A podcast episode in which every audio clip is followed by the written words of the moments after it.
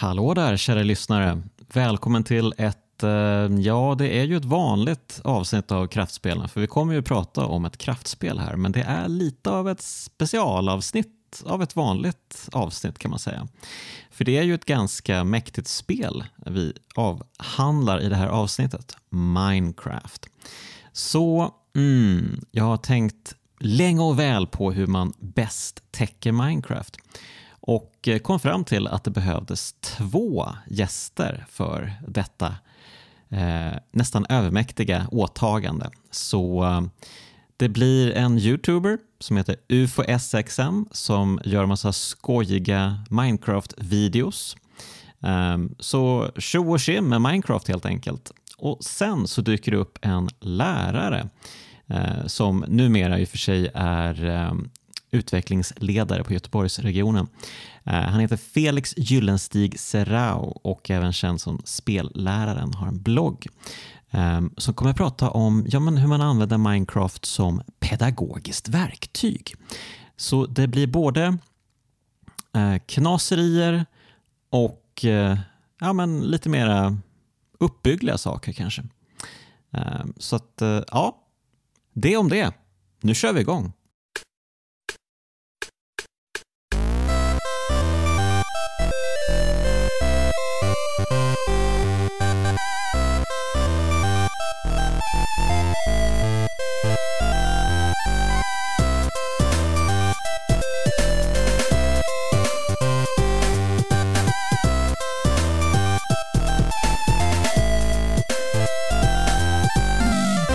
Kraftspelen är en podcast som hyllar spelen som betytt något. Vare sig det handlar om banbrytande gameplay-innovationer, nya narrativa nivåer eller estetiska genombrott så har alla kulturella verk som avhandlas i podden öppnat upp nya filer på den ettor och nollor drivna autobahn vi kallar spelmediet.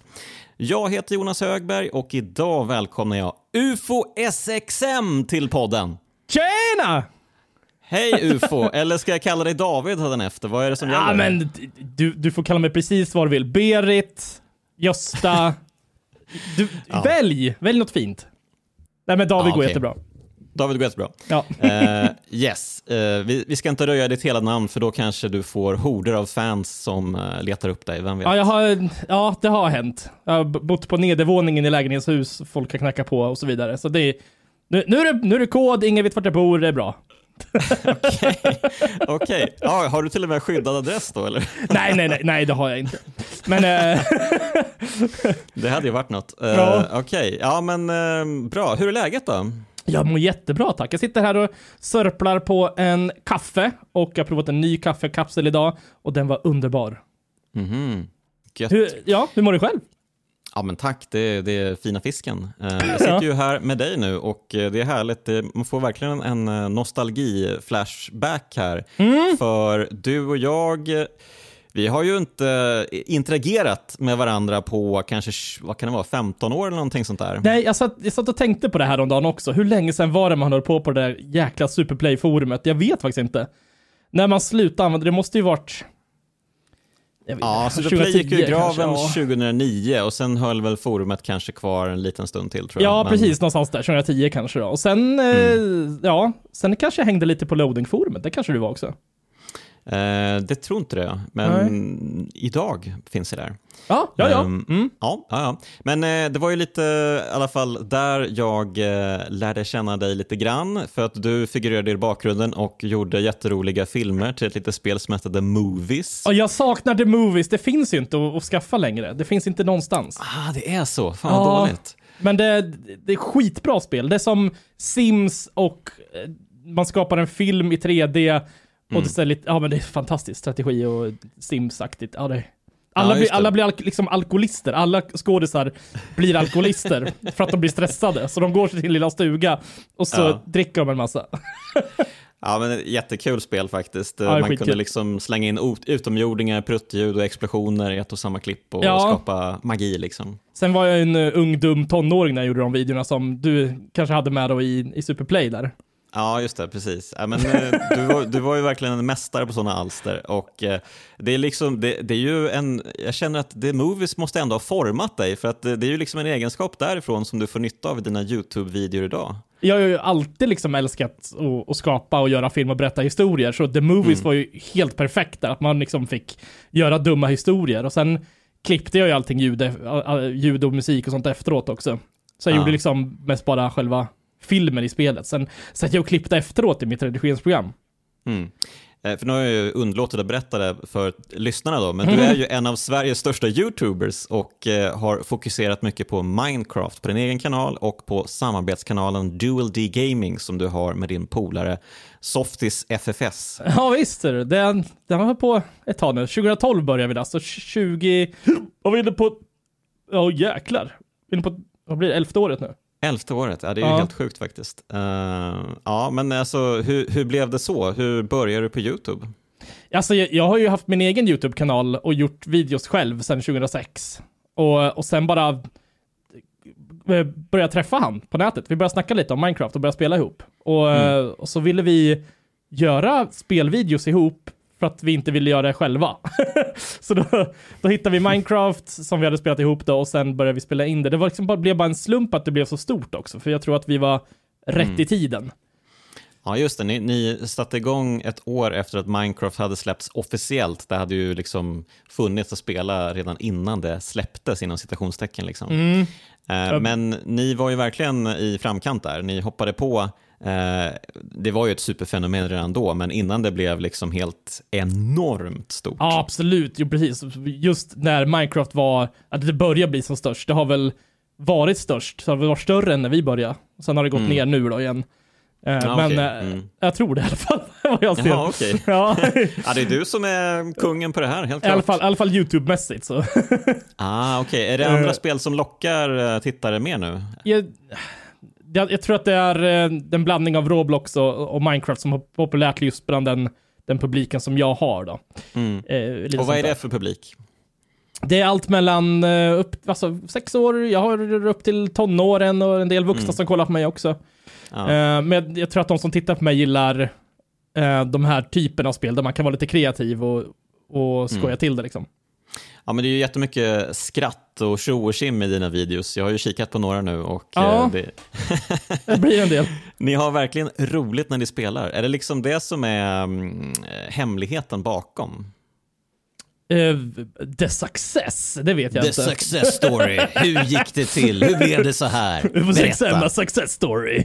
Ja. Uh, jag tror det att man ska ändå va vara väldigt positiv och underhålla så, så hårt det går. Gärna vara lite så här, lite högljudd också. Mm. Men det var bara på skoj egentligen i början. Ni hade inga tankar om att kunna leva på det? Nej, nej, nej, nej. Det var ju såklart en önskedröm, alltså att kunna börja betala räkningar och sen liksom ett år efter man började så började man kunna betala någon räkning med det. Sen vad fan, jäklar, det var ett eh, nätverk som ville ha in oss där och jaha, mm. de fixade med skatten och allt möjligt. Det var, vad smidigt det blev liksom. Mm, så okay. bara kör fulltid och så har det bara fortsatt så. Vilken drömmig tillvaro. Ja, låter ja det var riktigt coolt. Ja, men eh, du får gärna beskriva lite eh, hur eh, en dag i en YouTubers liv ser ut. Sitter du, sitter du bara framför datorn hela dagen? Självklart, dygnet runt. Jag har ju ett VR-headset på mig dygnet runt, så att jag, ja, jag, ser, jag ja. ser aldrig någonting av verkligheten. Ja, det var precis som jag tänkte mig. Ja. jag, är, jag har blivit en, en familjefar. Jag har ju skaffat, skaffat en dam och flyttat ihop i en stor lägenhet och fått ett bonusbarn, så jag har blivit en familjepappa nu. Aha, okay förändra sig lite där. Nej, men jag, eh, det har inte skilt sig så mycket sen när jag eh, bodde ensam heller. Men dagarna är väldigt enkla just nu. Att jag går upp tidigt på morgonen och sen eh, går jag med bonusbarnet till skolan, kommer hem och så spelar jag in på förmiddagen. Mm. Och så tar jag liksom en liten paus, vad ska jag säga. Och så kanske jag klipper sen på eftermiddagen och mm. laddar upp det så att det kommer dagen efter. Då. Så jag, okay. jag, har, jag har det ganska strukturerat ändå i dagarna. Det tror jag man måste ha om man inte är typ 16 år och går i skolan fortfarande, för då kan man sitta uppe hela nätterna och spela in. Mm. Jobbar du åtta timmar om dagen, eller hur? Nej, alltså jag, jag jobbar mer än så. Jag jobbar ju dygnet mm. runt i huvudet. Just det. Ja. Det sitter ju hela tiden i huvudet. Man kommer på idéer eller liksom, man svarar på saker eller kollar kommentarer eller alltså vad som helst. Jag kan ju aldrig, ja, liksom, jag kan aldrig släppa det. Det har jag ju inte gjort nu heller på på 10-11 år liksom. Mm. Men, eh, men det, det sprider sig lite hur många timmar om dagen som jag jobbar. Mm, mm. Jobbar du alla dagar i veckan? Jag har fått ner det till måndag till fredag nu faktiskt. Så helgerna så, så brukar jag bara klippa på. Aha, bara klippa, okej. Ja, ja. så, så har jag fått ner det till. ja, men eh, du, första Dual D Gaming-videon, ni släppte ju den för drygt tio år sedan som du sa. Eh, och titeln var ju då Minecraft på svenska.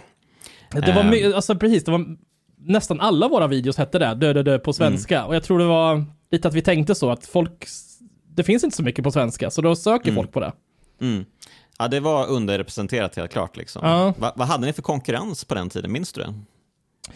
Alltså de andra YouTube-kanalerna som höll på, det var, det var ju typ såhär valpskott, jag tror Stamsite höll vi på. Minns du valpskott? Eh, Jag har ingen aning. Han hade en väldigt, väldigt bra radioröst. Ah, okay. Eller hade, han lever ju fortfarande, men han håller inte på med YouTube. Men eh, det, det, är typ okej. den, den svenska konkurrensen var väl så. Sen var det... Jag kommer inte ihåg alla namn faktiskt. Jag minns att det var någon som typ hette Klenisen. Oj, oj, Jag oj. minns inte Ja, allt ja. det här. Det var, jätte... det var Nej, nej, men, men du kände att eh, det gick ju väldigt bra för er såklart och ni fick ju upp eh, ganska många prenumeranter på ganska kort tid och så. Ehm, ni, du kände att oj, men det här, det här funkar ju liksom. Det här är ju riktigt Ja, bra. precis. Vi Men fick har ju, ni liksom- fick ju en Ja. liten boost via att det var några som hette någonting med... Då var Pixelpiraterna kanske de hette. Ja. eh, som visade upp andra svenska YouTubers. Så då, Ah, okej, okej. Eh, då, gjorde vi, då klippte vi, då spelade vi in en liten trailer och så la de upp den på deras kanal. Och då Mm. började folk droppa in hos oss och då bara pff, spreds det upp liksom. Mm. Men har ni liksom någon tanke med hur ni ska dra in views eller är, handlar det bara om att vara sig själv i de här klippen? Alltid från början så hade jag liksom tänkt ut ett paket sen vi började. Så att jag hade liksom Mm. grafiken, introt och att vi liksom en, en duo. Eh, vi har väl gått ifrån lite där. Nu är det mest att vi, typ, vi träffas ju två, eller inte träffas, men vi pratar ju två dagar i veckan. Och så Mm. spelar vi in åtta videos totalt då. Mm. Eh, och det har ju mest blivit nu att vi, eh, vi sitter och köttar på, på ett spel vi tycker om och försöker att göra det så underhållande vi kan. Eftersom vi ska Mm. släppa en om dagen. Just det. Ja. Så sitta ah, och-. Sitta och planera oss där, det, alltså det blir svårt. Eh, särskilt när jag har min egen kanal och han har sin streaming att tänka på liksom. Det, Ah. ja, jag, jag prioriterar, prioriterar min kanal. Alltså för mig låter det ju helt extremt att släppa typ en video om dagen. Det låter ju helt fruktansvärt. Men... Det är ju extremt. Men eh, jag, jag har gjort det som en liten vana liksom. Mm. Okej. Ja, ja. Jag skulle nog må bättre av att inte göra det. Men Ah, okej. Du, ah, okej, men om du tittar långt in i framtiden, kommer det fortsätta så här eller kommer du göra förändringar liksom? jag vet inte. Jag skulle vilja göra annat än Minecraft också, men jag får inte göra det på min kanal, för då tittar de inte. Ah, Så då får man börja okej. bygga upp ett annat varumärke på det. Jag förstår. Men du, eh, ni, ni, ni har ju lite andra spel också på kanalerna. Eh, Ja, lite precis. då och På, då. på Dual the Gaming så känner vi att då kan vi köra lite, lite allt möjligt. Det, det, Ja. mest, det mesta får ungefär samma visningar liksom. Okej, okej. Så då eh, tittar folk egentligen för er då? Ja, det tror jag. Ja, specifikt, absolut. liksom. Mm. Men om vi ska prata mer Minecraft specifikt då. Alltså, vad var det som mötte er i Minecraft när ni började spela för drygt tio år sedan? Alltså, Ja. Kan du beskriva lite hur spelet såg ut och vad det fanns för möjligheter? Ja, Jag minns ju liksom hur känslan var i början, att det, det var ju en oändligt stor värld. Det fanns ju inte mycket generering, men man snackade det fanns lite berg och sådär. Mm. Eh, några få grottor. Jag kom in ungefär innan hundarna släpptes in tror jag var. Okej. Så i någon, någon tidig beta eh, började jag spela det då. Och det Mm. var jättekul. Sen började man upptäcka att fan, det fanns redstone, man kan koppla saker med, Mm, mm. med sladdar liksom. Just det. Det Eh, helt öppna sjukt. dörrar, man hade så här tryckplattor man kunde gå på. Lite sånt där. Det var mm. jättecoolt med den här kreativa grejen och sen att, man, att det var så fint i multiplayer. Jag tyckte det var så coolt att man verkligen kunde vara ett, ett gäng som gjorde Mm. allting det här ihop. Just det, precis. Ja, och eh, man kunde samlas på en och samma server och eh, alltså utforska en hel värld tillsammans. Och, Ja, göra- lära, och, lära sig av varandra också. och, och bara typ leka liksom. Ja men aj, ungefär. Alltså, man, folk kanske ser det som ett, ett eh, legospel, men det är ju så mycket mer än så. Det är ju precis vad man själv gör det till och det är det som har gjort det så Mm. stort. Ja, men eh, okej, men spola fram ett decennium då. Hur har Minecraft eh, utvecklats? För du har ju varit med på hela Mhm. resan då. Vad är, vad är liksom de största grejerna som hänt spelet? Vad, vad är det som, Vad är det som har hänt helt enkelt? Det har ju fortfarande kvar själva grunden, vilket jag tycker är asbra. Det har inte blivit Minecraft liksom 2, utan Mm. det är fortfarande själva grunden att du spånar i en värld och börjar göra enkla verktyg, ta bort block, sätter dit block, skapa nya Mm. block, verktyg och så. Eh, och nu har de liksom lagt in, eller nu, det var ju ganska länge sedan, men det har kommit in så många nya liksom, kan man säga, RPG-element, så att du levlar ju upp Mm. du f- får ju levlar, du enchantar dina grejer så att de blir Mm. starkare och sådär. Du liksom skaffar en elytra, du kan, du kan flyga omkring. Mhm. Det finns ett Okej. slut, du dödar draken. Ja, just det, men det, det dök väl upp ganska kort på eller? Ja, det? absolut. Men nu, nu känns det Ja. mer som att det är ett tydligt mål, för man får lite, lite hjälp i spelet också med achievements och så. Mm. Så att Mm. man märker liksom, man, man får mycket hjälp i det nu. Det fick man ju inte i början. När vi började så fick vi sitta och googla fram allting, hur man craftar grejer och så. Det fanns ju inte den här lilla gröna boken man har i spelet. Nej, men just det, men det där minns jag att jag tyckte var en av de nästan bästa grejerna med Minecraft. Det här att eh, spelarna skapade spelet tillsammans med skaparna. Mm. Ehm, att eh, det var liksom ett samarbete hela tiden. Mm. Eh, alla dessa hjälptrådar som fanns på nätet, eh, Minecraft-wikis, allt det där liksom. Det är precis som i ja, men Dark Souls-spelen egentligen. Eh, det här att det byggs på så mycket information om spelet från alla som spelar och samlas kring spelet. Ja, Eh, det är ju nice. väldigt häftigt alltså. Ja, Jag har ju Ehm. inte kört Soul-spelen så mycket, men eller ingenting Mm. faktiskt, jag har inte ens rört dem. men eh, det är coolt att de har gjort så, att, att Ja. spe, spelarna liksom samlar allting. Ja, men ja, det, man litar ju faktiskt mer på spelarna än vad man gör på utvecklarna. De, Ja. de ligger ju alltid i bakhåll vet du, och ska snipa en med någonting. Så är det alltid. Ja, det är så det. Nu för tiden kör jag bara moddat Minecraft, så då måste jag ändå sitta och googla på grejerna och kolla YouTube hur, hur allting funkar. Ah. Men berätta lite om eh, modkulturen då i Minecraft. Hur ser den ut? Vad, så, vad är det som Ja, alltså- händer? Utan moddar så skulle spelet inte levt, tror jag. Mm. Ja, det, det är så spelardrivet det här. Alltså, folk skapar så mycket egna grejer så att det fortfarande är en så stor grej som det är och säljer så jäkla bra. Mm. Eh, Microsoft vill ju få in sin egna shop väldigt mycket Mm, i, i, bed, i Bedrock Edition på konsoler och, och PC. Då. Men eh, det som är mest populärt bland liksom, spelarbasen är nog Java, vad jag tror. Där, där de här moddarna finns som är gratis att ladda ner. Folk Mm. skapar egna moddar väldigt enkelt med ett program som heter M, M-Creator. Mm. Eh, jag har använt det, det är jätteenkelt och kul som fan att hålla på med. så, man kan rita i det, du skapar blockdimensioner och liksom kan koda själv med hjälp av att du sätter ihop olika kodningsblock. Mm. Händ, Gör du det här så händer det här. Okej. Har, Och det- har du släppt en mod själv eller? Ja, jag har ju gjort det. Jag har släppt ganska många moddar själv. Ah, okej, Ehm. Lite Mm. blandade resultat. Okej. Men det är skitenkelt i alla fall. Det, så, det här mod, moddningsuniversumet som finns är så jävla stort. Och det finns moddar som gör om spelet ganska mycket så att de inte bara lägger till utan blir som supernya funktioner. Man får lära sig spelet på nytt. Mm. Och ja, sen men det låter ju coolt. Ja. Så folk som plockar in det här i modpacks så att det liksom blir egna äventyr. Mm.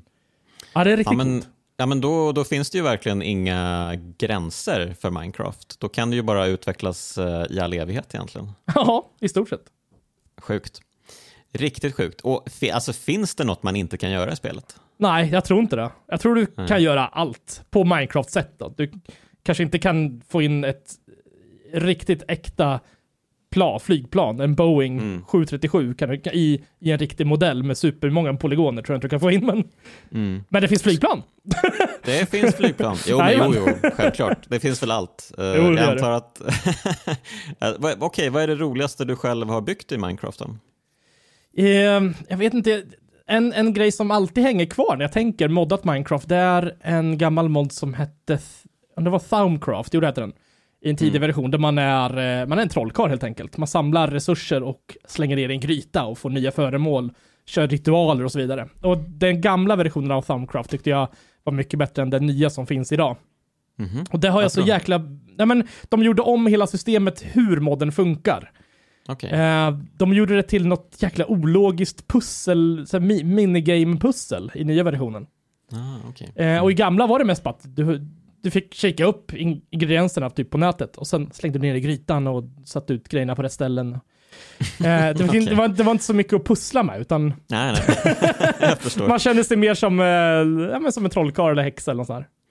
Ah, ja, ja. Som, som kollar upp recept på nätet. Ja, Eh, Ja, ja, ja, självklart. ja. Ja, ja, bra, bra. Eh, men uh, okej. eh, Men det är inte det kanske det roligaste, men det är någonting som hänger med. Jag har ingenting Ja. som är roligast. Just nu höll jag på med ett modpack som jag plockade ihop själv. Eh, Mm. Med de liksom mest populära moddarna i spelet. Och jag börjar liksom återupptäcka alla de här grejerna som jag spelade för 4-5 år sedan. mm. Som finns i nya versioner nu. Och jag har skitkul med det här. Plus att jag har lagt in nya moddar som jag aldrig testat heller. Mm. Så jag, okej. jag får liksom det gamla och det nya. Och just nu har jag skitkul med det här modpacket som jag håller på att spela in. Ehm, men det är många tänker på Minecraft som just en byggsimulator, alltså skapa byggnader och sånt, helt sjuka grejer. Vad är liksom det, det värsta du sett i den, i den vägen? Wow, alltså det finns en, gammal, jag tror det var i betaversionen och jag, jag vet inte ifall det måste ha byggt i creative, men men, um, undrar ifall det var en, det här Star Destroyern de har byggt Aha. i stor, Ah. Från Star alltså Wars. i Ja. riktig skala. I riktig skala? Ja, just det. det Den är var klart. ju totalt enorm. Nästan Okej. riktig skala. Ja, men, men- alltså, Okej, så med tanke på, och det var ju i betaversionen, då lär väl någon ha byggt en Ja. dödsstjärna vid det här laget? det är det jag tycker är så imponerande, för, för då fanns det liksom inga verktyg. Nu finns det ju så här, du kan skapa enkla cirklar, du kan måla liksom, att du Ah, tittar det- och högerklickar mm. bara. Okej. Så ja. då fanns det liksom inga, det var klicka, klicka på block per block bara. Ja, då byggde man med block som tegelstenar liksom. Ja, det är ju mycket mer imponerande, absolut. Tre- 3D-pixlar. Shit, verkligen. Wow. Men um, okej, vad, vad, vad, vad får ni för, för liksom, eh, reaktioner från eh, fansen på era videos? Hur är er interaktion med alla som tittar? Liksom? Mm. Eh, påverkar de er någonting i hur ni gör videos och så? Det, alltså, för, förutom just att när man lägger ut en video och den inte får eh, lika bra visningar som något annat, då tänker man att Nej, men det, här, det här vill inte min publik se, då vet man det. Men det kan också, man kan se det i kommentarsfältet, att eh, kan du spela det här istället, då kanske de vill det, fast eh, fast ändå inte. det är jättesvårt. Jag, jag har lärt mig att man ska inte lyssna på vad enskilda personer tycker om i kommentarsfält. Mm. För det är bara en person som, eh, som tycker om det här. Så det, det är många som säger att jag ska spela ett visst spel till exempel. Eh, och sen Mm. när jag släpper en video på det här spelet så är det liksom Har, har En- en, titt på det? ja, men en fjärdedel av visningarna som, Ja. som det andra jag lägger upp. Liksom. Eh, men eh, tittarna hjälper till absolut när det gäller om man, om man har problem i spelet eller ehm, om man inte hittar något. Alltså ja, just interaktionen som jag har med tittarna, det är väl mer, svar- svarar i kommentarsfält ibland. Eh, Mm. Vi har en Discord där jag är inne ibland också. Men du, det där är ju jätteintressant. Eh, Den tysta massan som ser videorna som inte Ja. säger någonting. Det är ju egentligen de som det är egentligen de som gör videorna för nästan. Eh, Ja. De som bara, det här är bra, keep it up, jag behöver inte säga någonting. Nej, så Eh. kan det vara. Som kanske på sin höjd ger er en upptumme liksom. Mm. Ja. Ja, det där är ju intressant. Hur når man ut till dem och får veta vad de tycker? Men ja, de tycker väl att det är bra antagligen. På, på YouTube har jag lärt mig att det är mest bara, man, man ska slänga skit på en vägg och se vad som fastnar. Okej, Och då menar jag skit med mina videos också. okej. okej. oh well, oh well. Nej, det vet jag inte riktigt. Men, men, eh, ja, men det, är- det är mycket skoj i alla fall. Mycket, mycket skoj. Alltså, hur skulle du vilja se att eh, alltså nu är ju Minecraft ett spel där det fin- som finns, där liksom, allt finns ju där. Men hur skulle du vilja att spelet, finns det något spelet kan göra för att utvecklas ytterligare? Liksom? Oh, jag, jag skulle vilja ha mer, eh, vad säger man, äventyr eller eh, liksom mer att göra i riktiga världen. Alltså, det ska, ska finnas överraskande grejer Mm. eh, som moddar har fixat istället. Mer Ja, strukturer, mer dungeons man kan gå ner i och få loot. Eh, så här, stora jävla blimps, luftskepp som är uppe i luften som man får bygga sig upp till och såna här grejer. Där det finns loot Ah, också, okej. fiender. Du, du vill att eh, liksom Mojang ska skapa lite mer äventyr som man faktiskt kan råka på i spelet? Ja, precis. Jag, jag, vill, jag vill ha mer innehåll till, eh, till världen. Mm, mm. De har lagt till ganska bra grejer, men det är ändå väldigt tomt i världarna. eh, om man Mm. jämför med vad som skulle kunna läggas till. Mm. Eh, Apropå det, har ni fått några reaktioner från eh, Mojang liksom, och de som jobbar där? Ja, inte på våra videos så, men vi har ju varit där eh, ett par gånger och, Mm. och snackat med utvecklarna i Mojang och varit med på deras lilla föreläsningar som de har haft för oss och så. Okej, vad kul. Ja, det är ju jättekul. Det var länge sedan nu. Det var fyra, fem år sedan tror jag vi var där sist. Mhm. Eh, men då gick det ut på, de, de samlade eh, Minecrafters från hela världen, USA, Tyskland och allt sånt. Så samlades vi i Stockholm och sen eh, fick vi förhandstittar på spelen. Och lite sånt där och fick snacka med Ah. utvecklarna liksom. Okej. Hänga några Eh, dagar.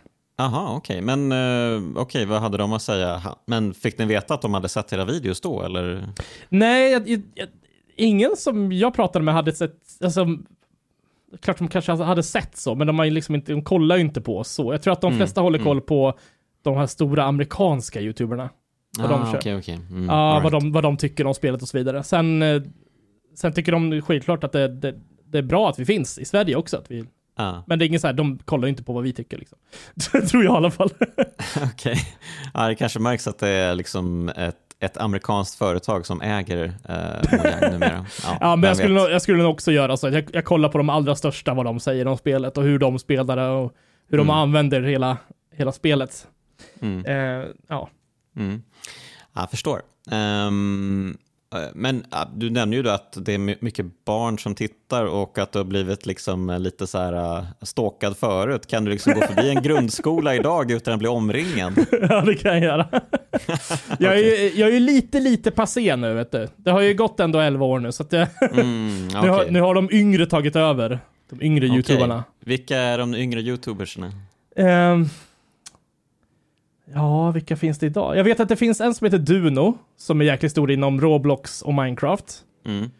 Uh, sen vet jag inte om Tomu gör någon Minecraft-innehåll, det vet jag faktiskt inte. Okej. Men vi gamla rävar, vi hänger kvar. Ja, vi, ni fin- klarar vi, er. vi finns fortfarande där. Jag kan fortfarande leva på mitt jobb och jag är jättenöjd med det. Ja, gött. Men apropå det då, har du några tips till de som vill börja med YouTube? Går det, liksom, går det att bli stor på YouTube idag då? Ja, ja absolut. Kolla bara på Duno, han har blivit skitstor. Mm. Han är, han är inte gammal, tror jag i alla fall. Men okej, men då kommer vi än en gång fram till det här. Vad är framgångsformulan?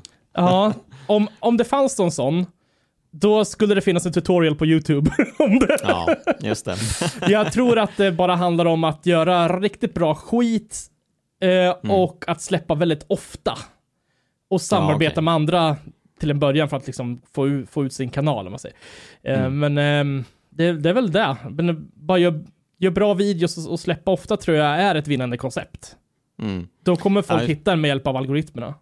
Just det. Ja, du, jag, såg någon videos där du eh, tittade tillbaka på din första video. Just det. Eh, det var kanske två år sedan eller någonting du gjorde den eh, Mm. och gjorde en tillbakatitt då och skulle liksom kommentera dig själv och sådär. och eh, det var ju Ja. ganska tydligt att du hade kommit ganska långt sen den där första tiden. Man har ju lärt sig väldigt mycket hur man pratar och sådär. Hur man, Mm. ja det har ju ändå gått, som vi sagt, 11 år nu då. Tjatar om det hela 11 året. men men Ja. eh, man, man lär sig väldigt mycket genom att man gör saker och även hur man pratar tror jag. Mm, just det.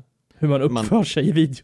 Ja, precis. Det ska vara, det ska vara kul och engagerande eh, typ hela tiden och inte bara i sporadiskt sådär liksom. Jag tror det. Jag tror Mm. det, i dagens YouTube-klimat så måste det hända någonting hela tiden. Man måste ha det här TikTok-tänket. Ah, TikTok-tänket. Okej. Ja.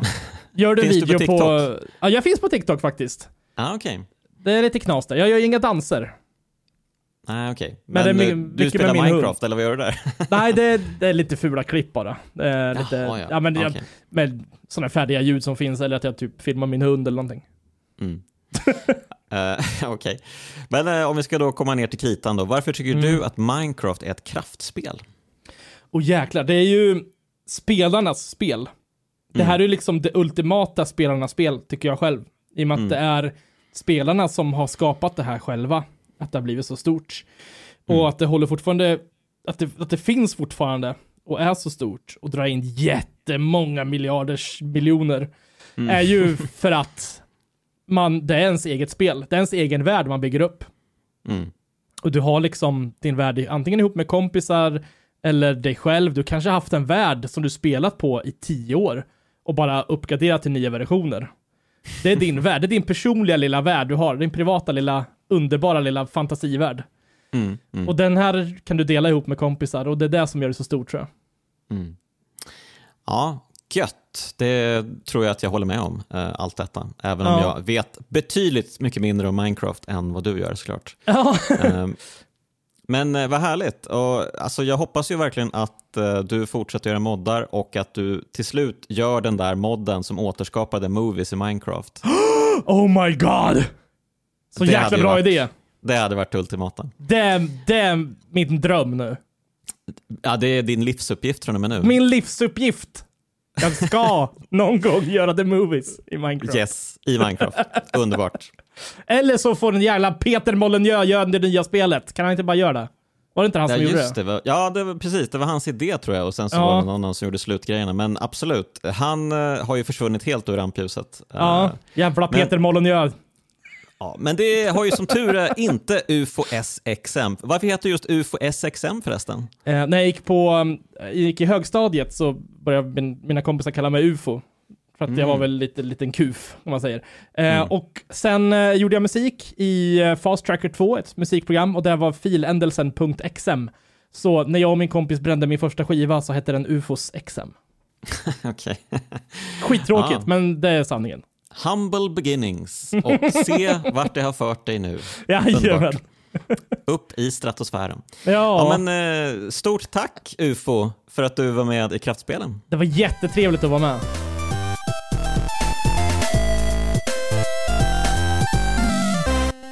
Hej och välkommen till Kraftspelen, Felix Gyllenstig Serrao. Eller hur talar man det sista? Eller namnet? Ja, det är helt riktigt. Så länge det inte är Serrano så är jag nöjd. Ja, just det. Det kan jag tänka mig att du får en hel del. Japp, den har jag hört.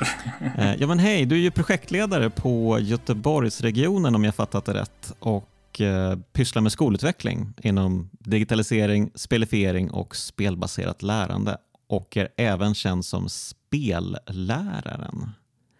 Ehm, jag antar att eh, allt detta spelbaserade liksom, eh, pedagogiska innehåll som eh, den här lilla eh, sammanfattningen innebär att du har spelat hela ditt liv. För när jag hörde av mig till dig så berättade du att du hade läst både Superpower och Superplay.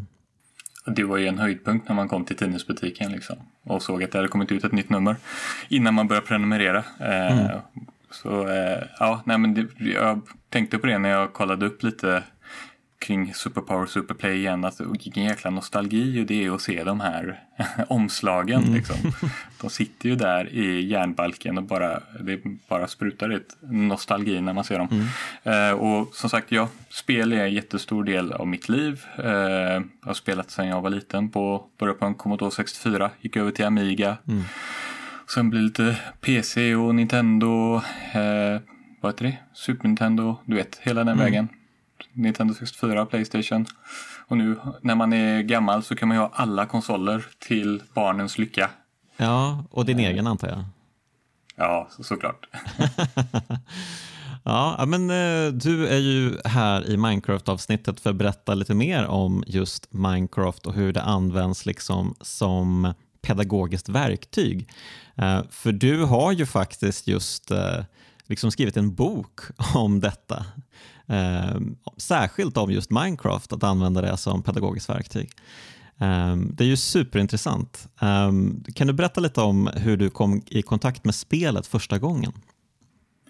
Alltså, när det kommer till spel och lärande har jag alltid varit intresserad av, för att du vet ju hur det är när man är i skolans värld. Det är ju inte alltid den roligaste miljön för eleverna. De är ganska trötta på att gå i skolan, speciellt när de kommer till högstadiet. Så att jag började fundera liksom på hur kan jag använda spel eh, liksom, och det som gör det så himla roligt för spelen.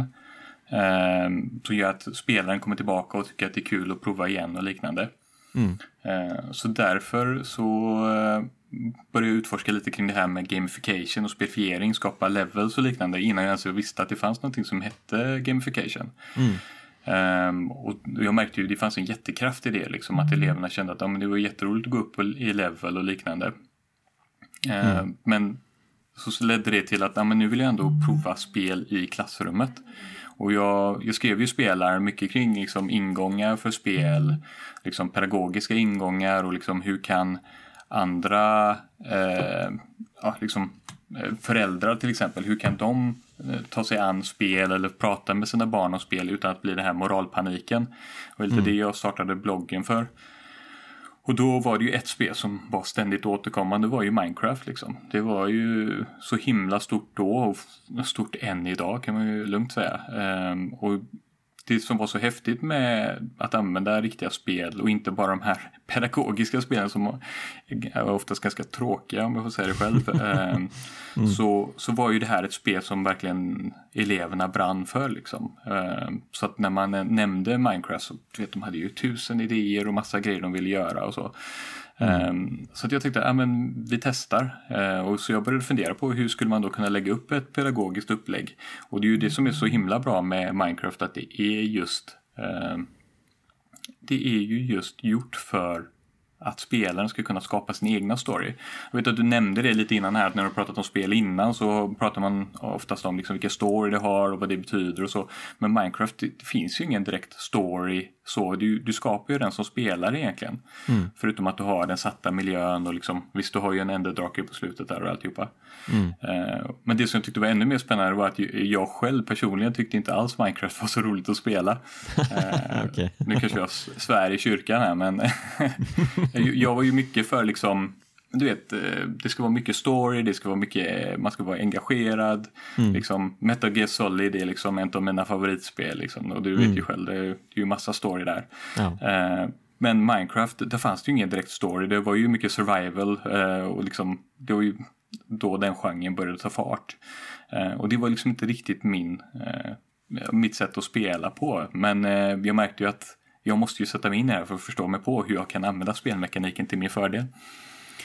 Jag förstår. Och då märkte jag ju snabbt det här då liksom att ja, här har vi ju en öppen värld. Jag kan bestämma spelreglerna och vad som ska byggas. Och vi, jag utgick ju då alltid från en creative mode liksom, för då kunde man ju använda hur mycket resurser man ville istället för att det blev det här hur ska vi fixa Eh, liksom, vi måste fixa träet, vi måste mm. fixa yxor först och liknande. Eh, och det var lite för, visst jag hade väl kunnat ha sådana här vad ska man säga, miljöaspekt och att vi måste ta hand om våra resurser och det är bara de resurserna mm. som finns i världen som vi kan använda. Men det var inte riktigt den ingången jag ville göra då utan så att jag hade mer, jag såg mer Minecraft som en tavla där, eh, som var tom liksom, som mm. eh, eleverna kunde måla upp sina kunskaper på. Så vi kunde läsa teori och sen så kunde de eh, bygga i världen och liksom förklara hur de tänkte när de byggde. Eh, så att de kunde bygga in de kanske historiska bitarna som vi pratade om eller också kanske framtidsteorier som finns om städer eller liknande. Mm. Så jag hade lite olika approaches där liksom. Mm. Men, och det som var spännande var att jag märkte att eh, alltså all elever från eh, lågstadiet till högstadiet var ju, alla var ju engagerade liksom i Minecraft. Det kvittade vilken ålder det var. Det var inte så att eh, de äldre tyckte att det var för tuntigt eller de yngre var, tyckte det var för svårt. Utan det, var, det funkade över alla åldrar. Så det var så himla styrka i verktyget. Mm. Eh, när var det här då? Var det liksom eh, en bit in i Minecrafts eh, levnad? För jag tänker mig att kanske barnen har växt upp med Minecraft också. Um, numera. Liksom. Eh, det finns väl nästan ingen som är under 20 kanske som inte har spelat spelet. Liksom.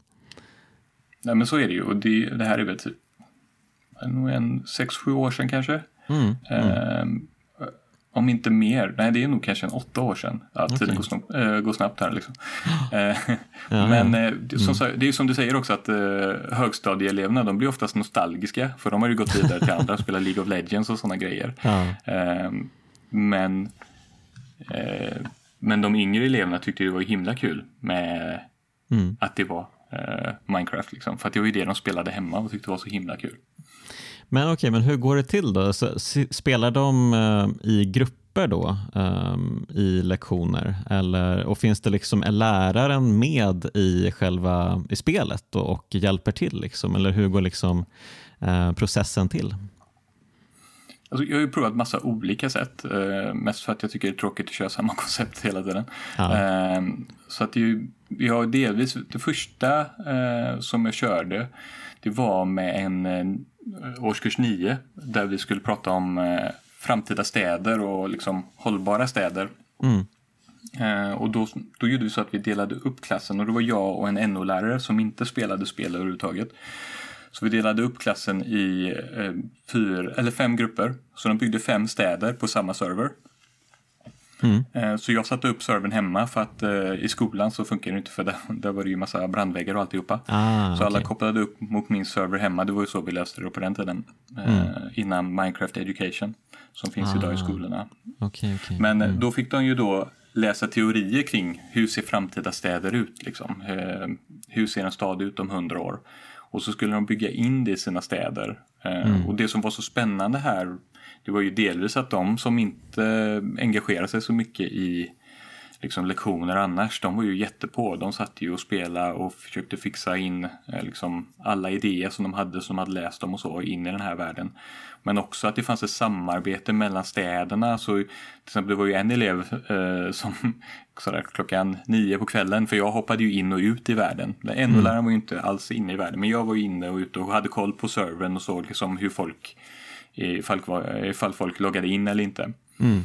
Så att eh, jag, jag tittade eh, och såg att en till exempel var inne och då tänkte jag åh, åh, nu är han inne och förstör här klockan nio på kvällen. Så- Och, så letade upp honom och såg att han var i en annan stad och så tänkte jag bara, och så började jag prata med vad gör det här? Så nej men jag håller på att bygga ett vattenkraftverk här för det, de som har den här staden tyckte att det såg så bra ut och tyckte det var så bra idé i vår stad så jag konsultar för dem liksom. Konsulta, liksom, han hade- fantastiskt. Ja, precis. Så Han var ju där liksom och fixade en grej som de tyckte var himla bra i den här andra staden. om. Men, Ja. Och sen så var det ju också sådana här samarbeten. De, de byggde magnettåg mellan städerna och liknande. Mhm. Saker som inte jag hade ens tänkt att det här ska vi göra. Så de började ju prata om infrastruktur och liknande. Wow. Ehm, Så det, ja, men det var så himla häftigt att se att de förvaltade kunskap på ett helt annat sätt än vad man kan göra om man sitter och skriver eller så. Liksom. Det, det Mm. finns ju inget samarbete så. Visst, du kan ju skriva ett arbete tillsammans, men du vet ju hur det brukar vara. Liksom. Mm. Ehm, Ja, precis. En så person gör allt. exakt. Ehm, och nu är det ChatGPT så. Men Ja, just det. Exakt, exakt. Nu gör ingen någonting längre.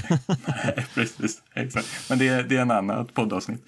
Mm, Eh, Men, så det var det som var så himla spännande och så tänkte jag men då gör jag om det här konceptet då till eh, årskurs 5. Men innan vi går över det så bara säga att det var himla häftigt för att NO-läraren hon var ju helt liksom slagen av att herregud eleverna pratar med mig om vad de bygger och de vill berätta om teorierna. De har ju massa då de vill eh, förtälja kring eh, vad de har lärt sig, vilket hon inte alls var van vid. Liksom, hon var ju tvungen att dra ur kunskapen ur dem. Liksom. Ja, ja. Eh, Ja, så det var ju himla häftigt. Ja, liksom, och att se henne också bli övertygad, det var ju stort liksom, för min del också. För jag, du vet, man går ju ändå där med du vet, den här lärartanken att gör jag verkligen, blir det här verkligen bra? Men det, Mm. jag fick det liksom bevisat om och om igen. Eh, Coolt. och det, ja, men det, var, det var faktiskt en väldig... Och just också det här med att folk kunde sitta hemifrån och jobba med också. Så jag hade ju en elev som eh, var särskoleintegrerad vilket betyder att man egentligen går i särskolan men man har vissa lektioner med sin klass. Och han kunde ju vara med och spela Minecraft för han tyckte ju dels det var roligt att spela Minecraft men han tyckte inte om att vara i klassen så han var hemma och spelade och pratade över Skype då som man gjorde på den tiden. Ehm, så att han var ju med i klassen fast du vet, och alla såg ju likadana ut i Minecraft så att han var ju inte annorlunda på något sätt utan han var ju bara en blockig figur som alla andra. Ja, men du, du säger att mottagandet har varit bra bland eh, både eleverna och eh, lärarna, men hur har det sett ut bland föräldrarna då? Ja, jag skulle ju, när jag fick lite medvind då i det här och i Göteborg så fick en annan stadsdel reda på att ja, men vi vill testa det här också så vi, vi vill köra projekt Minecraft. Liksom. Så att, eh, eh, de ville att en årskurs 5 skulle jobba med matematik eh, med Minecraft i liksom olika former. Så att jag åkte dit och så hade de då fixat ett föräldramöte och jag tänkte bara shit okej, nu får vi se vad, vad det kommer för frågor här liksom. och Kommer vi bli sågade vid fotknölarna och så. Det var också ett väldigt, eh, alltså ett socioekonomiskt starkt område och då vet man ju också att föräldrar har ju ofta väldigt starka åsikter kring Ja. vad som görs och inte görs. Yes. Eh, Så man tänkte nu måste vi komma liksom taggade till tänderna här liksom. Men det visade sig att de var ju väldigt positiva. Alltså äntligen händer det någonting i skolan och ni använder verktyg som barnen tycker är kul. Och, så att de, de var ju enbart positiva vilket var väldigt skönt. Mm. För att det är ju oftast där man hamnar, liksom, vad tycker föräldrarna om det här? Liksom? Är det verkligen okej? Okay? Får man ha ja. roligt i skolan? ja, precis.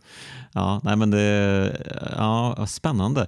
Och eh, vad, liksom, vad har ni liksom lärt vad har du lärt dig av det här eh, sedan dess? Um, alltså, har du lärt dig något nytt om, om liksom pedagogik, eh, om Minecraft som verktyg utifrån de här experimenten? Jag har ju hållit på med det här ett tag och, liksom, och jobbar ju med det på en helt annan nivå nu. Uh, och jag, jag var ju faktiskt, eh, sån här jättesjuk historia, men jag var ju faktiskt på, i Europaparlamentet mm. uh, häromveckan och mm -hmm. liksom stod med Europaparlamentariker och spelade Assassin's Creed. med Ubisoft liksom, för dataspelsbranschen, den europeiska och svenska och, liksom, och flera från Europa hade skapat en sån här tillställning då för att träffa politiker och liksom få dem att eh, förstå att det här med spel är viktigt. Och det var flera mm, parlamentariker som stod bakom det här som skulle göras då. Eh, mm. Men det var ju så himla häftigt att få stå där och berätta om just det som du säger, liksom, vad har jag sett för liksom möjligheter med spelandet. Och, och då var ju liksom, vi tittade på Minecraft, vi tittade på Assassin's Creed, vi tittade på This War of Mine till exempel. Det här mm, spelet med flykting. Ja, precis. Så mm. det är ju verkligen så här, man, man får en känsla, man får vara där, man får, göra, man får ta beslut. Liksom, du är ett med historien och liksom, det gör att du börjar reflektera på ett helt annat sätt. Mm. Och jag tror att det är, det är det som jag har sett styrkan med spelen. att böcker, visst du kan leva dig in i böcker, du kan läsa böcker och du kan titta på filmer men i spel så gör du ju faktiskt val och du är engagerad och liksom motiverad på ett helt annat sätt. För att du vet att det du gör har konsekvenser. Mm. I, I, böcker och film så är det ju ett liksom, narrativ som går från liksom A till Ö och sen så är historien slut. Här kan det ju finnas liksom, olika sätt att eh, fixa eh, eh, vilka val du gör och liknande. Men det är också en du får ju också reflektera varenda gång du ställs inför ett val. Vilket man kanske inte gör i en film utan där görs ju valet av protagonisten, vem det nu kan vara, liksom, eller i boken. Så mm. jag tror att det där att du är en del av det som förmedlas är så himla starkt och speciellt då i Minecraft där du faktiskt får skapa narrativet själv. Mm. Eh, vare sig det är en framtidsstad eller eh, det här andra exemplet jag skulle berätta om en stad på 1700-1800-talet där jag delade in en eh, årskurs sexa i olika ständer då, alltså samhällsklasser. Så det var borgare, mm. präster, bönder och adel. Mm. Och jag var kungen då som, eh, som en del av rollspelet. Okay. Mm. Men då skulle de läsa och se vad de skulle bygga utifrån sina roller. Då. Till exempel prästerna byggde kyrkan, adeln byggde slottet och bönderna byggde bondgårdarna och eh, vad heter det, borgarna byggde det som var innanför stadsmuren. Då. Mm, och, okay. och det som var spännande här var ju att vi fick ju börja i vad, vad bygger vi i en stad liksom? Vad, vad behöver vi tänka på geografiskt? Och så kollade vi på Göteborg låg och vi tittade liksom var ligger andra städer? Vad, vad behöver man tänka på? Liksom? Så vi, man börjar liksom med massa olika ändar som man inte skulle gjort annars i en bok. Liksom. Mm, mm. Um, och när de också då fick uppleva hur det var att vara bönder som inte hade så mycket pengar och de fick bygga sina små liksom, hus medan eh, adeln då byggde det här stora slottet. Och de byggde även ett tvåvåningsplan då så att eh, underplanen var i eh, ett balrum. Så jag frågade hur kommer det sig att ni bygger ett balrum där? Jo men det är här vi festar loss på böndernas pengar säger de då.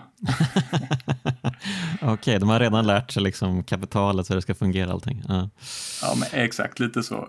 Mm. Eh, men, och det, det, det, som var så häftigt här var ju att eh, de berättade ju för sina liksom, kompisar ute på rasterna så, om vad vi byggde och de berättade vad de hade lärt sig och när hände det liksom. Ja, verkligen. Um, så det, det, var ju, det var ju också så det marknadsförde till andra mm. lärare för att de fick ju höra att de hade så himla kul på lektionen och lärde sig massa. Ja, alltså det låter ju lite som att man kan använda Minecraft i princip vilket, vilket lektionstillfälle som helst, alltså vilket ämne som helst. Um, alltså, kan man använda Minecraft i matte också till exempel? Ja, men jag tror det handlar om eh, egentligen lärarens kreativitet och mm. design. Mm. Eh, för det är ju läraren som måste fundera kring hur skulle vi kunna använda det här. Och jag, när jag använde det i matematik försökte jag ofta bygga in det i narrativ liksom, så att det inte blir liksom ja, två block plus tre block, vad blir det? Eh, mm. det, liksom, mm. det, säger inte så mycket. Liksom, utan jag försökte hitta på ett tema som att vi ska bygga en bondgård och eh, bondgården ska vara tre fjärdedelar den här färgen två fjärdedelar den här färgen till exempel. Eller eh, så att det hela tiden fanns ett narrativ. Jag gjorde det med en lågstadieklass och då fick de bygga en affär där de fick sätta priserna själva på alla varor som fanns i affären. Sen så bytte de iPad med kompisen och så fick de gå och handla för de hade 50 spänn då. Så fick de se vad de fick för det. Så att allting finns i ett slags, du vet, för det är ju så spel fungerar. Du har ju liksom tydliga mål och det är ju designat för att du ska veta vad du ska göra i spelvärlden. Och har du inga mål så blir det liksom, ja men då sätter jag fram TNT istället och springer istället. Okay. Så det, det är viktigt, det ligger mycket på eh, designen och jag tror att vem, vilken lärare som helst kan göra det, bara man behöver vara lite extra kreativ istället för att bara ta fram boken och säga att nu kör vi kapitel 1. Men, men, du har ju skrivit en bok som jag antar lite är typ en guide till lärare eh, hur man använder Minecraft. Um, vad står det i den boken? Vad är det du ger för tips till eh, pedagoger? Jag tror viktigast för mig och liksom som jag har haft som ett raster eller vad man ska kalla det hela tiden när jag har använt spel. För det, boken handlar även, ett kapitel handlar om hur man använder spel i undervisningen. Mm.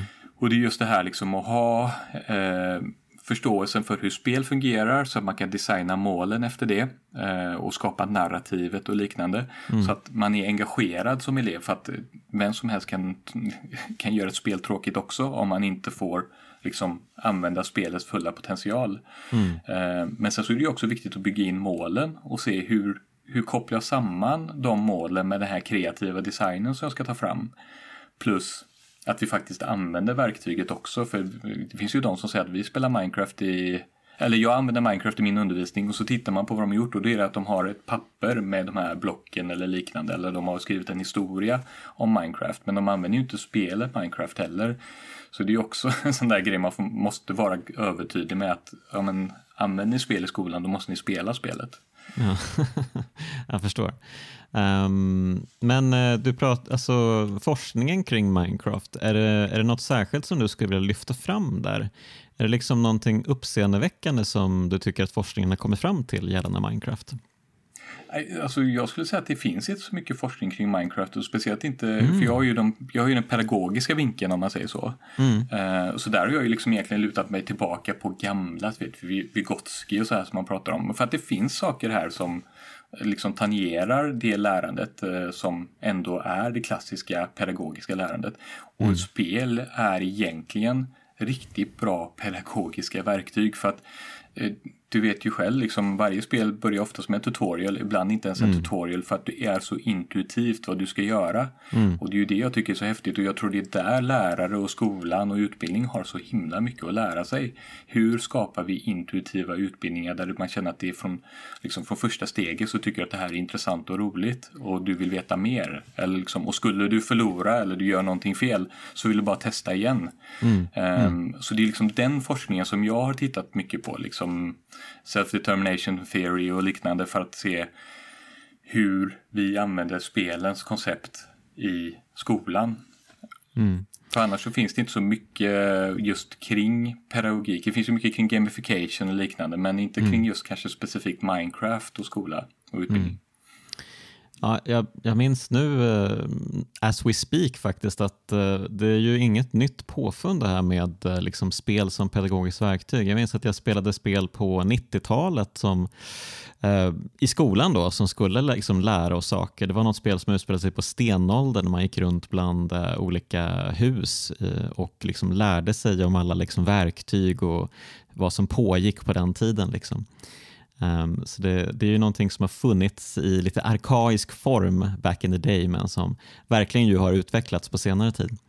Um, ja, va, ja, och egentligen så, så ifall du tänker efter, du vet de här eh, stenåldersbyarna som man gjorde, du vet, man byggde ju så här pappmaché och sådär, kommer du ihåg mm, eh, mm. På lågstadiet. Egentligen gör vi ju det nu i en digital form, fast mm. du är i världen och existerar i det. Men jag tror också att vi ger eleverna, alltså barn och ungdomarna, nycklar till framtiden. Eh, jag vet att Jordan Shapiro har skrivit en bok om The New Childhood till exempel. Att de lekarna som vi leker idag är det som hjälper oss i framtiden för att liksom mm. anta de utmaningar som kommer. Och ifall man tänker efter då, speciellt nu. Den här idén var ju mycket starkare och liksom mer ögonöppnande innan corona. Men nu efter corona så är det, är det ganska självklart att vi kommer inte sitta i ett konferensrum längre fram mm. utan vi kommer ju sitta, vi kommer förmodligen vara i virtuella världar med VR eller AR eller vad det kan vara liksom. Mm. Där vi står och Eh, designar en bil eller designar ett område där jag står en med en från Brasilien och en från Kina och en från Senegal liksom och alla är i samma rum och står där. Och det är ju egentligen det de gör i Minecraft och Fortnite och alla de här, liksom man samarbetar i digitala miljöer. Mm. Ja, det är sant. Det är ju perfekta verktyg faktiskt um, för den framtida arbetaren och uh, mm. det, det vi tvingas komma att lära oss alla, alla antar jag.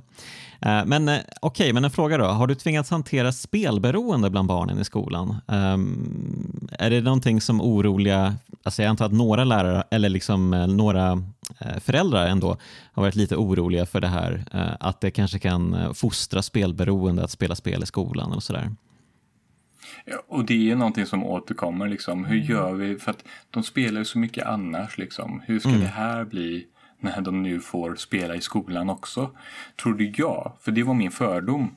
Mm. Men vad som hände var att äntligen så ser jag varför spel faktiskt kan lära saker och spel kan ha en annan påverkan än bara liksom sitta och spela. Mm. De kunde se att det, eftersom de faktiskt lärde sig någonting av det så blev det ju att man fick ett annat, spelen hamnade i ett annat ljus helt enkelt. Mm. Mm. Um, så att jag tror, eller jag, det jag har mött rättare sagt är att man har varit väldigt positivt överraskad. Um, och en av de första eleverna hjälpte um, som jag gjorde ett gamification-system för, för att han skulle klara sin skola.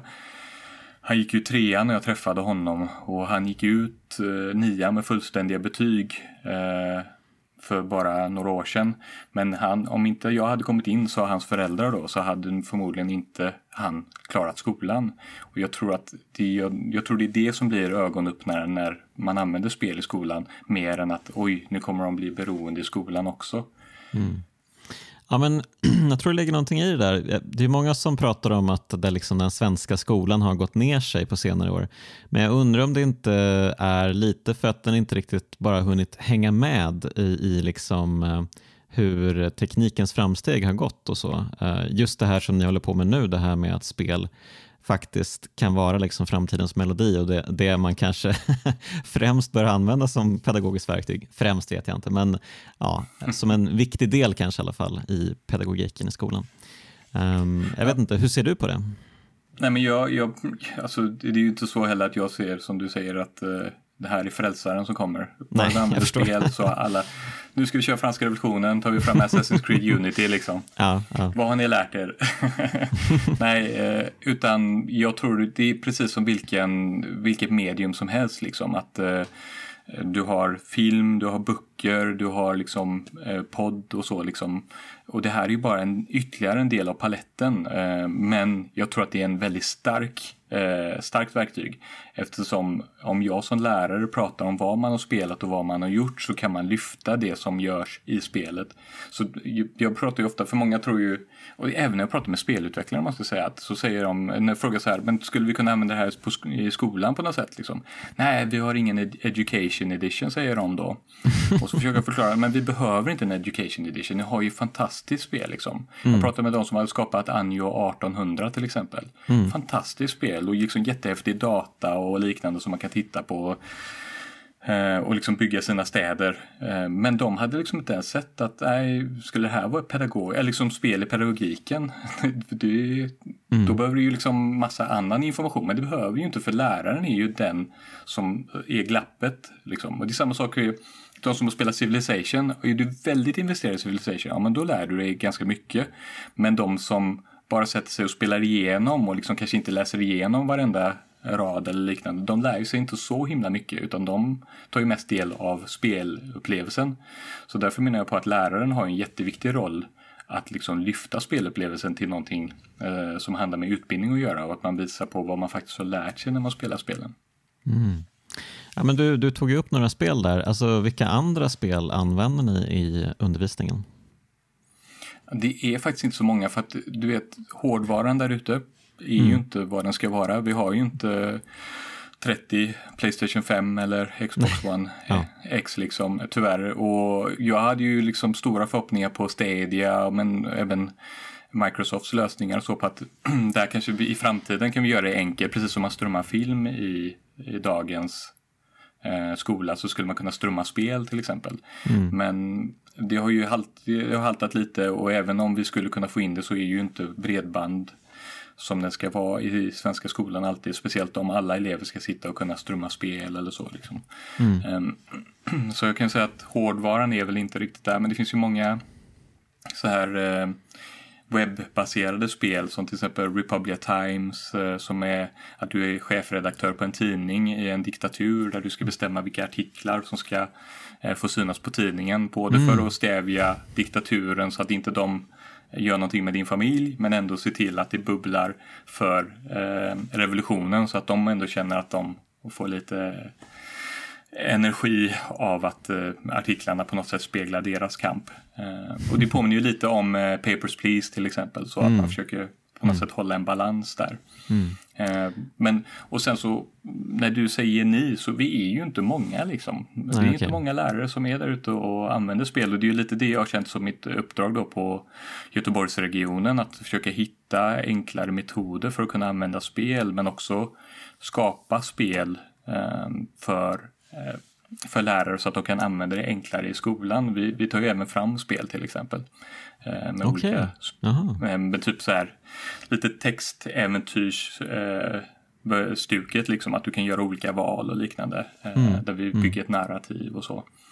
Så att det är ju det, det är en liten uppförsbacke men det är också ju som du hör, jag försöker ju också påverka branschen och förstå att här finns det ju potential. Och skulle vi kunna få in fler spel så delvis så får ju eh, branschen ett sätt att få folk till spelbranschen. För vi saknar ju 25 000 eh, spelutvecklare eh, inom en snar framtid. Liksom. Eh, så det blir ju ett sätt att kompetensförsörja men vi, det blir ju också ett sätt för skolan att kunna skapa nya sätt att lära. Och jag menar, vi, vi pratar om Sverige, men det är inte så många andra länder som är så långt fram. Visst, Norge har sina spelpedagoger och liknande, vilket är jättehäftigt incitament.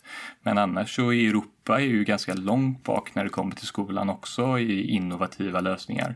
Finland har vissa sådana här spelincitament och mycket e-sport och liknande, men, men jag tror att vi vi har en lång väg att gå, men jag tror att vi måste ju börja någonstans och vi måste ju ta kliven och man måste också våga tro på att någon gång så kommer vi ju hitta nya sätt för lärande och spel.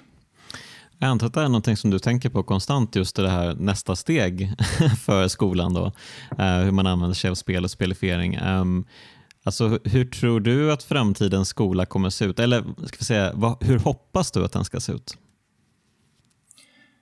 Men jag, jag hoppas att eh, framtidens skola är mer sömlös när det kommer till digitaliseringen och att ehm, saker sitter ihop på ett annat sätt. Liksom, utbildningen sitter ihop. Det finns en bredare palett av resurser så att alla kan känna att man kan hitta sitt sätt att lära sig på. Så att alla behöver inte spela men alla behöver inte heller läsa utan man kan ha olika sätt. Liksom. Ehm, så ifall vi ska lära oss om ett ämne så kan jag, jag designar en portal eh, som skulle visa då på att om du sökte på ett ämne så kunde du få det här kan du läsa, det här kan du spela, det här kan du lyssna på och det här kan du uppleva med VR och AR. Att det finns liksom en palett av upplevelser. Sen kan du ta lite av det olika så du kan kanske börja med en VR-upplevelse för att bli liksom eh, nyfiken och det blir liksom den pedagogiska kroken. Sen kan du läsa om det för att du börjar bli nyfiken. Varför händer det här? Eller varför händer det här i spelet? Och så tar du reda på mer. Så att det liksom är en bredare. Men sen så tänker jag också att ChatGPT och liksom AI spelar en jättestor roll för att kunna möta alla frågor som kanske läraren inte hinner. Men också kanske visa på att ja, du tyckte om det här spelet, algoritmer liksom. Då kanske du tycker om de här bitarna och eh, att den försöker mer designa lärandet och kanske också utmana lite att ja, du har inte läst så mycket. Kan du inte prova att läsa de här stycket så kanske du går upp i level eller liknande liksom. Så att man kan bygga in massa olika spelfunktioner som gör att du faktiskt känner också att du eh, får progression i din skolgång. För det vet du ju själv eh, förmodligen, för alla skolgång ser ju oftast ganska tragiskt lika ut. Eh, även om det finns vissa eh, väldigt ljusa exempel. Men du förstår vad jag menar, liksom att vi har ju all, vi har alla gått igenom ungefär samma struktur. Och där tänker jag att där har man ju oftast inte sett liksom, vad är det för framsteg jag har gjort utan man har ofta sett det i betyget eller på provet eller liknande. Liksom. Mm. Men vad finns det för sätt att faktiskt följa en elev så att man hela tiden känner att man utvecklas? Jag har mm. läst det här teststycket, äh, textstycket, ja men då har du ökat så här mycket i din experience. Liksom. Eh, fortsätt lite till och så kommer du gå upp i level eller liknande. Och då kan vi låsa upp nya verktyg för dig. Mm. Eh, så på något sätt designa om skolans sätt att lära ut. Eh, men också den här kreativa biten som vi pratar med Minecraft. Hur kan vi skapa sådana här häftiga digitala eh, ytor där man kan liksom visa på vad man har lärt sig och samspela med andra och diskutera och liksom bygga tillsammans, vara kreativa i olika spelvärldar. Och tittar vi på Unreal-motorn, jag menar där finns ju massa potential liksom kring. Mm. Och även Roblox har ju en ganska häftig editor liksom. Jag sitter och kollar på mina barn när de sitter i editorn och liksom shit det här, de kommer ju lära sig att bygga i 3D-miljöer tack vare det här spelprogrammet. Liksom. Och mm. Jag tror att det skulle vi behöva använda mer i skolan för det är ju de kompetenserna vi kommer behöva sen. Okej, okay.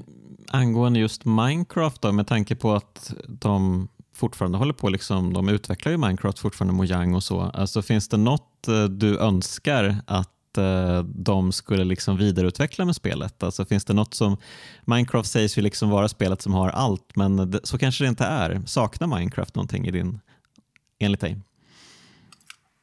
Det är en jättebra fråga för att det är som balans i Minecraft ändå över vad som ska vara mer verkligt och vad som inte ska vara verkligt. Jag menar, vet, man skulle ju lätt kunna säga, ja, men kanske någon fysikmodell där inte saker står i luften och så, men det skulle ju ta bort det här liksom kreativa, lite gör vad du vill. Mm, um, mm. Så att jag tycker att det är väl det som är det fina med Minecraft, att det finns en balans i verkligt och overkligt. Um, Mm. Och jag tycker att ändå de som håller på med Minecraft Education, jag träffade han som skapar världarna för det och liksom när jag fick höra hans pedagogiska ingång, hur han bygger och liksom hur han eh, designar just med ett narrativ och liknande. För att det är kanske det som vissa lärare kan sakna, att man vet inte riktigt hur man ska göra den här designbiten som jag pratade om. Man kan, mm. Mm. kan, kan, ta in spelet men att skapa målen och vad vi ska göra i världen är mycket, är liksom kan vara väldigt svårt för att man kanske inte har den tanken. Man spelar inte spel själv, mm. så man förstår sig inte på eh, mediumet. Men när det kommer till eh, just Minecraft Education så kan du ju spela som till exempel pingvinen i världen som håller på att förändras på grund av global uppvärmning och du ser hur blocken mm. smälter eh, vilket gör att det påverkar vad du kan leva i den världen. Så det finns ganska mm. häftiga incitament till att eh, bygga in narrativ som jag kanske har saknat själv då. Mm. Att jag känner att jag alltid behöver hitta på, på det själv. Men nu håller ju på, de håller på att förändra det också. Du pratar ju eh, mycket om, sagt, förlåt, du pratar ju mycket om narrativ när du pratar här. Eh, jag antar att det är det mm. som är framtidens melodi också, att just uh, skapa ett narrativ kring utbildning, utbildningen och inte bara göra det Ja, men som när jag växte upp så var det ju väldigt så här, uh, faktamässigt uppspaltat allting. Det var ju sällan vi fick liksom en, en story inbakad i våra mattelektioner eller dylikt. Liksom. Um, men, men det är det som är framtiden tycker du? Och jag tror det. Och jag tror också att vi behöver lära oss att skapa narrativ. För att det är ju...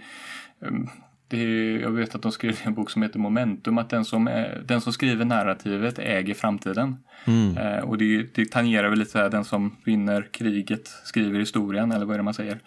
Eh, ja, Men om du tittar på sociala medier och liknande så det är ju så mycket berättande. Det är så mycket som är, du ska skapa en känsla, du ska få en förståelse.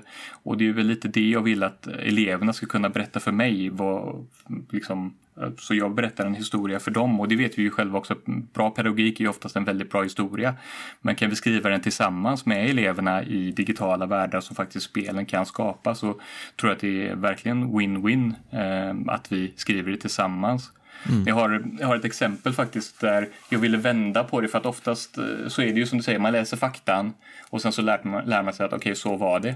Mm. Men vad, vad jag gjorde var att i den här 16, eh, 16-1700-talsstaden, jag tror jag sa 1800 förr, men i 16-1700-tal, eh, ah. så eh, så var det faktiskt att jag som kung då sa att jag vet att i öster så har vi Eh, liksom vi har kryddor, vi har eh, silke, vi har liksom olika tyger, vi har liksom porslin, som, saker som jag vill komma åt. Liksom. Mm. Men jag vet inte hur vi ska ta det hit.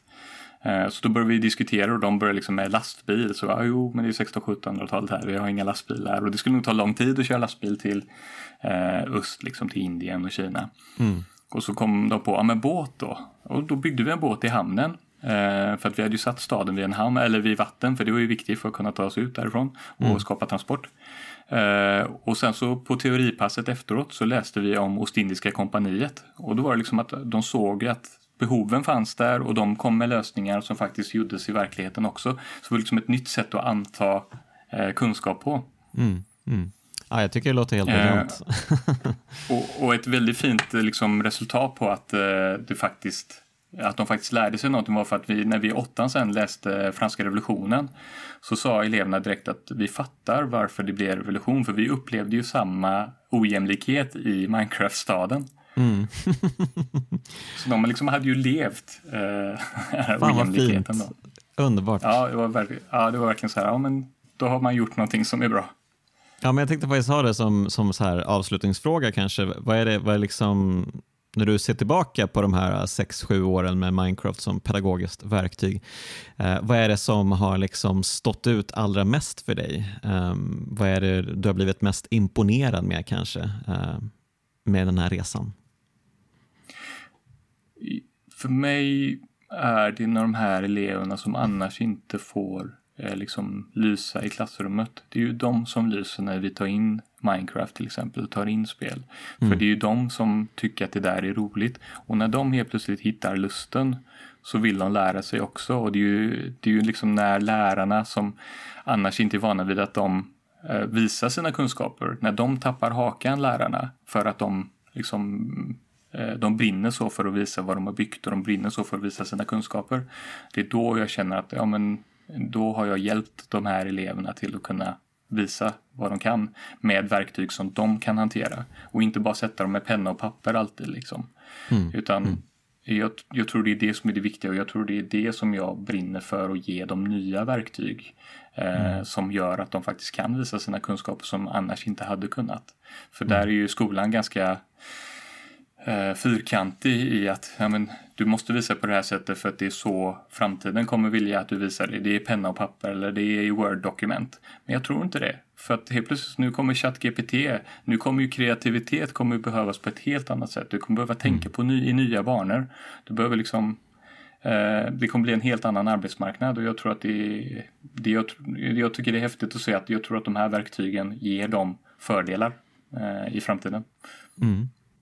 Ja, jag brukar alltid ställa den frågan till alla mina gäster då, uh, varför det och det spelet är ett kraftspel. Så jag tänkte ställa den frågan till dig också. Uh, varför tycker du att Minecraft är ett kraftspel?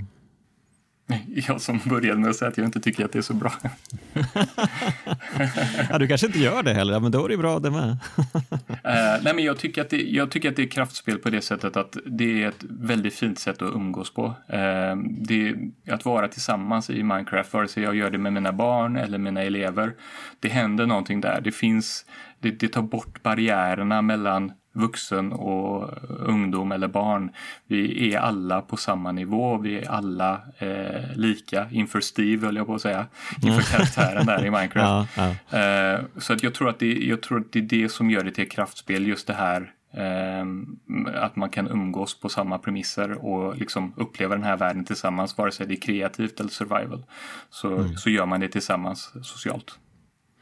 Ja men härligt. Eh, alltså, jag önskar dig verkligen stort lycka till med eh, allt fortsatt arbete du gör för att eh, använda spel som pedagogiska verktyg. Jag hoppas att det kommer gå framåt nu i, i skolvärlden. Ehm, stort tack för att du var med i Kraftspelen, Felix. Tack så mycket för att jag fick vara med. Ja, ett stort tack till både Felix och UFOSXM för att de var med i det här lite speciella avsnittet. Ehm, och ett stort tack till dig som lyssnat såklart. Och ett kanske ännu större tack till dig som är Patreon eller funderar på att bli Patreon. Varför inte slå till? Du göder en god sak tänkte jag säga. Nej men du, eh, det är verkligen uppskattat och eh, det gör ju att eh, jag kan göra podden ännu bättre såklart. Ehm, så stort tack till alla Patreons, ett stort tack till de finfina pojkarna i Bitpopbandet 047 som gör musiken till kraftspelen i vanlig ordning. Åh vad glad man blir av det. Mm. Ja, och eh, nästa vecka hörni, då är kraftspelen tillbaka med ett lite mer normalt avsnitt. Det blir grejer det. Vi hörs!